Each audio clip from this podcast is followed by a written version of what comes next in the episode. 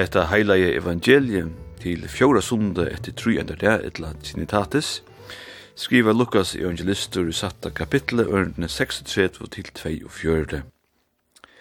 Vere miskunnsom eins og feirtikkara er miskunnsamur, og døm ikkje, ta skulu tid ikkje vera dømt, og fordøm ikkje, ta skulu tid ikkje vera fordømt.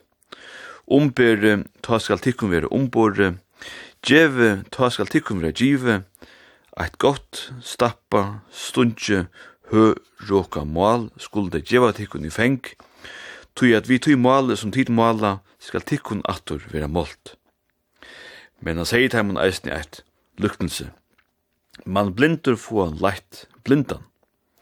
Munno tar ikkje bægir fatla ui veitna. Ikkje er ein lærersveinur iver mestra sunnum, men ein kvør som er full lærtur skal vera som mestar hansara. Men kvøy sagt og flysina som er i eianum av bråartunnum, men bjolkan og tunne egna eia veru du ikkje være vi. Etla, gusse kan så sige vi bråartunn, Boja bråur, let meg teka flysna ut ur eia tunnum, tu som sjolver ikkje sagt bjolkan og i tunne egna eia tøyn falsare, tek fyrst bjolkan ut ur tun egna eia, og ta skal du sutja vel at teka flysna ut ur eianun og bror tøynun. Prætikoteksten til morgen er ørendene 36 til 42 og i satta kapitlet tja Lukasse. Men ørendene beint fram og undan ljóar såleis. Nei elskje fudjendartikkara og gjere vel og lene, utan að vanta að få nekka alle fire. Og Mikkel skal ta løntikkara. Og Mikkel skal ta vera løntikkara, og tid skulle være bøtten, hins haksta, til at han er gaur vi til åtaksomo og idlo. Han er gaur vi til åtaksomo og idlo. Det er just hetta teksten til morgen, tekur støy ui. Årene lydjast ser jeg nekt heimun som vi finna tja Matteus og som vi ofta kalla fjalla pratikan. Hesi årene vi tog radikala båskapnun som sigur at vi skulle elska okkara fujindar. Det er jo oftare lattare sagt enn gjørst. Det er jo så latt er gaur vi tei som vi talta vera så fitt og som gjør vel imot i okkun. Men det er ikkje så lagt å vera som han, og vi elskar til åtakksomme og ytlo. Tog er det at vi skulle vera miskunnsom, eins og feir okkara er miskun samur. Ta sikst at året miskunn er seg saman av mis og kunna, til å si sija ikkje vera kunna eller kunna kunnavur, ikkje vera informera eller vera misinformera. Her vi ikkje sagt at god ikkje er informeravur, men han kan velje at vera miskunnavur om okkara støvu i løyvenon, hoast han ikkje gløymer. Miskunn er at vilja hjelpa, utan a hitje etter hverju vid ero, eins og tan miskunnsame Samaribikven gjør det. Det er som Johannes skrivar i sin fyrsta breve, at vi elska, tog god elska i okkon fyrst. Og ta god så leis vi elska okkon, så er jeg vidt eisne er elska kvann annan. Tøy god er kærleikje, skriver Johannes i samme breve, og han som verur ui kærleikanum, verur ui gode og god ui honum. Til hetta som er til avgjørende, ikkje at gjøre gode gjerningar, bare fyrir at tekja skode, men at vera ui honum.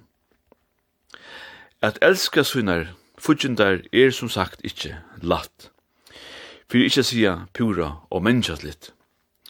Men den tyske rithøvendren Günther Schulze Wegener hefur skriva eina luttla frasøgn som kallast hintapelige krosseren.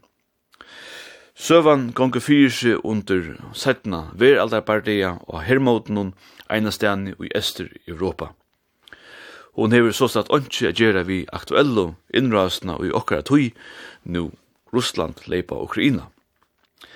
Men ta leika i harst og og parstane lov i skåsgrøvnun og røynte at ekleia kvann annan. Øremein lov, tuskarar og hinemein lov, russarar. Ta voru, fudjendar, tui te er som onkur sagt, fudjendar er ein sosial uppfinning. Tu fudjendar er nekka vi gerast, ti er nekka vi eru. Tan tuske, korsporaleren, Monhofer, hei ui skuimingsne lakse til reier vi sunnum våpne. Vi eit ver han ver over vi ein luttlan rund som vaks skamt fra her han la. Han hugsa i seg sjálvun at hesen vøkstren kanska kunde fjalla han a sintur og tui kreip han centimeter etter centimeter etter brunnanun. Han kom iur til runden utan evra sattur av russiska fudgjindan nun, og byrja jeg greva seg et hål ved syne av runnen nun. Men utan at han er varnaste, hei ein russare, finnje det samme husgåte, og hei ikkje iver til runnen fra hinar syne. Eisni han byrja jeg greva. Ta ta tåka lysa fyr deie vilde månhofer korsporalur sleppa at lura upp pum runden og vilde skimast runda om seg han tok byrsina og gjørte til klost som bruk skulle være fire om det kom så lengt. Ta samme hei russaren gjørst og ta bair hukto opp om brunnen så tar ta samme. Anlite og futsinda nun. Bair var som landslittner av Braslo, russaren ratt i hånden opp, som atle henne sier akkurst, som vildi han sier akkurst, og utan han huksa om, at han ikkje får å skilja til her, og hin får å sia, så takte Månhofer.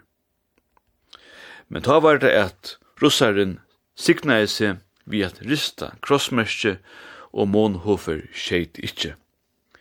Ta Månhofer sa at han stod framafyrir krossmerskjennom, fekk han eina mastan banslige og imynd av at russaren vi hese Brøslo hei sett eina hakre vernd, fyrir seg at han nu var et menneske du ikkje kunde gjøre nekka vi, utan at du eisen gjør det hetta mot gode. Og nu gjør det Månhofer nekka ovanligt som kanska sa meningslest ut fyrir øron, men som var einhått løsti han ur hafte. Eisen han lyfti håndena og sikna i seg. Jeg sinter klossot, kanska, du hetta var han ikkje venur a gjerra. Hetta var ikkje vanligt i hansara kyrkju. Men han kjente seg nøytan a svære atur i samme måle som russaren hei brukt. Eit mål som ikkje tørvar år, men som røkker langre enn degin. Det var som russen smultist, og ongen leie sujan til mestis, at hese bøyer mennene snukte seg atur til sunare skåsgraver fra at du stegi her runderen stå. Tveir menn fudgjendar, men ötten var rikin bursdur ur herra anlitun. Tveir fudgjendar, men som krossmørkje var komi i middelen, se og tarra nasta, og tar for samsinter atter kvör til sutt. Veri tui miskunnsom ein so færtikar er miskunsamur imot tikkum. Vid endur kvöld vi solme 318 og i salmabodsjene om to vilt glede vinna. Opptøkan er av fløvene Svaler Eia, som Anna Maria Olsen sang og gav ut, lei eier Knut Olsen, og årene eier Mitchell Ritje. Om to vilt glede vinna, søk ei til Haksta Sel, nei etnan er a finna, her grannar semjast vel. Her kærleik man roa, her blutni er vi bor, her mildar tungur sjoa, tei mjuko trøstar år. Tei sunkus vilja gjerra og elska folk og land, tei sikning vi serbera, som sløtjer halskan brand. Tei lysa tjøkken streve, tei bjarga land ur nei, tei sikra vust god djeve, vi teljast mittlun tei. Gåan, sånn og det.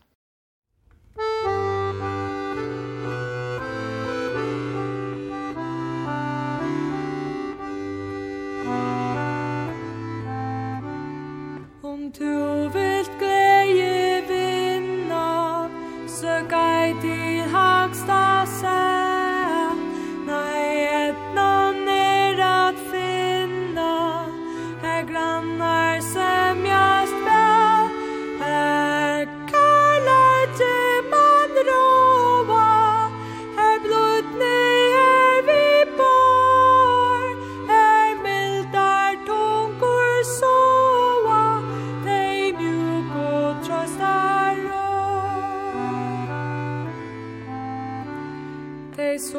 Guds vilja gera og elska folk og land. Dei siktig viser bera så slatter haska bra